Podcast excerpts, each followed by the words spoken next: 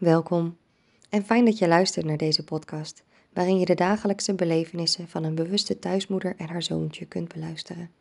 Want in de eenvoudigste dingen ligt het grootste geluk. Vandaag vertel ik over mijn alleenstaand moederschap. Hoe dat gegaan is, hoe het ontstaan is, wat voor tips en tricks ik daarin heb ontdekt, waarom het zwaar is, maar vooral wat het me allemaal heeft gebracht. Mij en Wies. Het alleenstaand moederschap zat voor mij niet in de lijn der verwachting. Ik was gelukkig getrouwd met mijn man en we wilden eigenlijk al een hele tijd kinderen, maar onze tijd was er nog niet helemaal rijp voor. Toen het wel zover was, waren we hartstikke blij en dolgelukkig dat we in verwachting waren. En achteraf gezien had ik misschien die tekenen die in de zwangerschap ontstonden kunnen zien als een voorbode voor wat er na de bevalling zou zijn ontstaan. Maar ja, ik wist niet in mijn zwangerschap dat dat het geval was. Wat wilde namelijk, door de corona konden mijn man en ik een hele tijd niet bij elkaar zijn. Dat betekent dat ik de eerste vijf maanden van mijn zwangerschap helemaal alleen heb gedaan. Hij was natuurlijk wel uh, via videobellen bereikbaar en uh, in de ether heel veel aanwezig bij mij of bij ons. Maar in uh, fysieke nabijheid kon hij helaas niet zijn, konden we niet bij elkaar zijn. En dit was blijkbaar alleen maar een, een voorproefje voor wat er daarna zou gaan komen.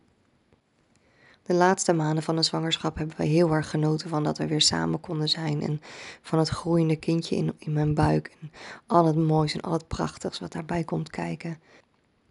En mijn man heeft mij ontzettend, ontzettend goed geholpen tijdens de bevalling. Het was echt een hele mooie spirituele en ook hele aardse ervaring om een kind op zo'n manier met zoveel steun en bekrachtiging en door zoveel mensen gedragen te worden op allerlei manieren uh, op de wereld te mogen zetten. En nu, nu ik al 2,5 jaar moeder ben in die zin, kan ik er ook wat meer op terugkijken. Op, op die bevalling en op hoe ontwrichtend dat moet zijn geweest voor mijn man. Die vanuit, ja, vanuit zijn eigen jeugd en vanuit zijn eigen familiesysteem. En zijn, vanuit het familiekarma wat hij heeft, uh, op zich heeft genomen in dit leven. Gewoon eigenlijk helemaal niet zo'n stabiele basis heeft gekregen. Geen, geen grond waarop hij die enorme spirituele overgang, die enorme space die werd neergezet in die, in die bevalling kon dragen. Dus hoewel het tijdens de bevalling heel erg goed ging, heb ik achteraf gezien, kan ik zien dat dat gewoon heel ontwrichtend voor hem is geweest. En dat is dus ook gaan blijken in de maanden nadat hij, nadat Wies geboren was. Want ja, Ruud vond het gewoon echt moeilijk om bij ons thuis te zijn. En ik vond dat natuurlijk ook heel erg moeilijk, maar ik had echt voor Wies te zorgen. Dus dat was mijn eerste prioriteit. En de veiligheid en de harmonie van Wies stond absoluut voorop. En dat betekende dat wij gewoon eigenlijk steeds verder van elkaar wegsplitsten. Omdat Ruud gewoon door alle licht zijn eigen duisternis zo duidelijk ja, begon te zien. Dat hij op zijn eentje verder mocht en in zijn eentje zijn eigen processen mocht doorlopen. Zonder dat Wies en ik daarmee meegesleurd werden eigenlijk. En zodat Wies en ik eh, in onze eigen space en ons eigen licht en onze eigen harmonie konden blijven. En dat was wel heel erg moeilijk, omdat we alle drie dat niet hadden verwacht, denk ik. En misschien is het heel erg naïef van ons geweest, maar ja, ik ben gewoon heel positief ingesteld. Dus nee, ik had het niet verwacht. En mijn mind heeft echt moeten wennen aan het nieuwe idee van de nieuwe situatie. Maar ik voelde ook dat het goed was voor ons alle drie. Het was echt het beste dat Wies en ik met elkaar verder gingen. En dat Ruud zijn eigen dingen en zijn eigen wonden gewoon zelf mocht likken en zelf mocht helen. Ik kan het niet voor hem doen, Wies kan het niet voor hem doen. Hij mag dat echt zelf doen. En hij kan het ook, dus daarom heb ik hem losgelaten. Ik heb hem gewoon terug aan God gegeven. En Wies en ik, ja, die bleven dus een soort van met z'n tweeën over. Nou, daar zit je dan als uh, moeder met een uh, pasgeboren kind. Dat is best wel pittig. Om wat dingen te noemen, ik heb al 2,5 jaar niet uitgeslapen. Ik heb mijn Netflix-abonnement maar opgezegd, terwijl ik echt dol was op af en toe lekker binge-watchen. Maar ja, daar kom ik gewoon echt niet aan toe ja, je, je draagt alle verantwoordelijkheid in je eentje. Ook de keuzes moet je allemaal zelf maken. En mijn tijd overdag was, zeker toen Wies nog baby was, gewoon zo beperkt. Ja, ook als hij sliep, dan was ik alweer bang dat hij wakker ging worden, weet je. Zo weinig tijd voor mezelf. Uh, en dat wordt gelukkig wel beter hoor. Hij is nou bijna 2,5. Dus nu heb ik er wel echt veel meer tijd voor mezelf. Maar toen hij baby was, was dat echt heel erg zwaar. Nou ja, het zijn ook dingen als dat je gewoon geen minuut ontspannen kan zitten. Of laat staan in je eentje naar de wc gaan. Ik bedoel, ik weet niet eens hoe dat eruit ziet. En in de douche trouwens ook. Want ik bedoel, Wies en, ik douchen altijd samen. Ik weet niet hoe ik dat anders uh, zou moeten doen. Dus dat zijn allemaal dingen, ja, daar loop je dan zeg maar tegenaan als alleenstaande moeder. Maar ik heb daar toch allemaal wel mijn draai in weten te vinden. Wat ik bijvoorbeeld, ja, vooropgesteld, wat ik het aller, allerbelangrijkste vind, is mijn eigen spirituele routine. Zonder dat kan ik gewoon echt niets doen, kan ik niet meer leven. Vanuit mijn spirituele routine bloeit en groeit alles. En hou ik mezelf stabiel en in stand en in balans. En ja, ik zou gewoon niet een dag zonder het luisteren van de gebeden of het doen van de gebeden kunnen. Of de meditatie of de uh, die ik iedere dag zeg. Dat is een, een mantra voor de mannen in mijn leven, om de mannen in mijn leven te helen.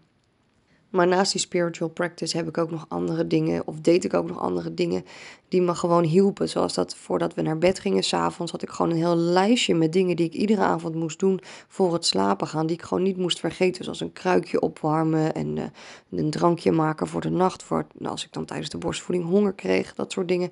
Ik vergat het gewoon constant en dat was hartstikke onhandig, want ik kon niet weer uit mijn bed. Of ik kon niet iemand vragen van wil je dat even aangeven. Dus ik had echt een lijstje gemaakt van nou dit en dit en dit en dit en dit moet ik allemaal doen voor het slapen gaan. En ik heb nog steeds van dat soort trucjes. Zoals dat wanneer wie op bed ligt, s'avonds lig ik binnen anderhalf uur ook in mijn bed te slapen. Want anders hou ik het gewoon niet vol. En ik heb ook een hele leuke methode bedacht voor als ik op bezoek ben geweest bij mijn zus of bij mijn moeder of bij vrienden. En wie s'avonds terug in slaap in de auto valt, dan til ik hem dus vanuit de auto in de buggy, in de slaapzak. Hij zit al in de slaapzak in de auto, in de buggy en dan in de buggy zo naar huis rijden. Want we staan niet voor de deur geparkeerd altijd, dat kan niet. En dan thuis kan ik hem rustig overleggen met zijn slaapzakje in bed. Nou, dat werkt gewoon hartstikke goed. Dan hoef ik hem niet te tillen, wordt hij niet wakker, dan kan hij lekker blijven slapen. En zo waar heb ik dan ook nog eventjes een beetje voor mezelf s'avonds. Hartstikke fijn. En ik denk dat het allerbelangrijkste is dat ik altijd heel erg geloofd heb in mijn eigen kracht. En dat ik heel goed weet wat ik aan het doen ben met Wies. Zodanig dat als mijn moeder ergens commentaar op had, dat ik dan zei: Ja, mam, wacht maar. En nu ondertussen zegt ze dan van: Ja, ja, je had daar toch wel gelijk over. dus dat is wel heel mooi. Ik heb altijd wel heel veel vertrouwen gehad in mijn eigen inzichten. Ondanks dat andere mensen dat dan niet met mij ja, konden delen. En uh, mijn spirituele beoefening helpt daar gewoon heel erg bij om echt vanuit mijn eigen wijsheid te blijven handelen. Ik ben de enige die weet wat er met mij en Wies echt speelt. En het is gewoon heel goed dat ik dat ook uitvoer. En daar heb ik ook meteen het aller, allergrootste voordeel te pakken van alleenstaand moederschap in mijn ogen. Je kan lekker alles zelf beslissen. Dat is toch echt ook wel heel erg prettig. Ik denk dat je als je in een, in een samenwerking zit met een vader of met een andere ouder, dat je dan toch altijd een beetje zal moeten schipperen. En dat hoef ik gewoon helemaal niet. Ik schipper nooit. Ik doe gewoon wat ik voel dat goed is. En dat is gelukkig ook heel erg goed. Ik heb er ook heel bewust voor gekozen om bij Wies te blijven. En om niet Wies bijvoorbeeld naar de crash te doen of naar een peuterspeelzaal of een gastouder een middagje in de week. Ik heb echt heel bewust gekozen om bij hem te blijven. Juist ook omdat ik voelde dat zijn vader zo afwezig raakte, dacht ik van ja, het is echt goed dat hij goed hecht, extra goed hecht aan zijn moeder. En nu is hij dan bijna 2,5. En ik merk gewoon dat dat zo'n goede keuze is geweest om dat te doen. Ik begrijp hem altijd uitstekend. We zijn samen ontzettend in harmonie. Hij is zo lief en zoet. En ja, ik ben gewoon heel dankbaar dat ik dat, dat ik dat besloten heb. Er zijn zoveel dingen waaraan ik kan merken dat hij zo in balans is en heel stabiel. En weet je, gewoon heel zorgzaam. Zijn nichtje was ziek en dan komt hij een glaasje water bij haar brengen. En dat soort dingetjes. Hij is zo attent. Hij kan zo lief zoet spelen. Ja, ik merk gewoon dat hij gewoon heel erg goed in zichzelf geaard is. Dat zijn ziel echt aanwezig is gekomen in zijn lichaampje. Dat mag natuurlijk nog veel meer, we zijn er nog lang niet. Maar ja, voor nu, voor een kindje van 2,5, hij is gewoon altijd lief. En veel kindjes van 2, 2,5 hebben echt wel driftbuien. Of dat ze het ergens niet mee eens zijn. Of echt boos of zich frustreren. Of echt boos uiten. Nou, dat merk ik bij hem eigenlijk helemaal nooit. Ik luister gewoon naar wat hij dan te zeggen heeft. Dat vraag ik ook. Van wat is er? Wat wil je? Wat heb je nodig? Nou, en dan zegt hij dat. En dat is het, weet je. En dit alles had ik natuurlijk nooit kunnen bereiken zonder de volledig onmisbare hulp van mijn heilige moeder. Zij is in feite in het gat gesprongen wat Ruud achterliet. En heel erg goed met mijn zoontje gehecht. En ze zijn echt dikke maatjes met z'n tweeën. Zo leuk om te zien. En mijn moeder is gewoon zo lief en zo zorgzaam. En ja, hoe ik dat dus oploste, want ik vond het belangrijk om ook bij Wies te zijn, is dat we dan dus met z'n drieën dingen gingen doen, waardoor Wies echt langzaam aan mijn moeder kon hechten. En toen we voelden dat het goed was, dat hij, ja, de basis sterk genoeg was, toen ben ik langzaam in mijn eentje dingen gaan doen, zeg maar. Een half uurtje, een uurtje. Nu zijn we zover dat hij soms wel een zes uur achter elkaar bij mijn moeder durft te zijn. Of dat ik dat durf, laten we het zo zeggen. Dat ik hem zes uur achter elkaar bij mijn moeder durf te laten. En ja, dan, uh, dan voel ik ook dat het goed is en dat hij het goed heeft. Maar naast mijn moeder heb ik ook heel veel steun aan de rest van mijn familie gehad. En ja, dat is gewoon zo onmisbaar. Je kunt gerust voor alleenstaand moederschap kiezen. Ik denk dat iedere vrouw dat kan als ze daar bewust voor kiest.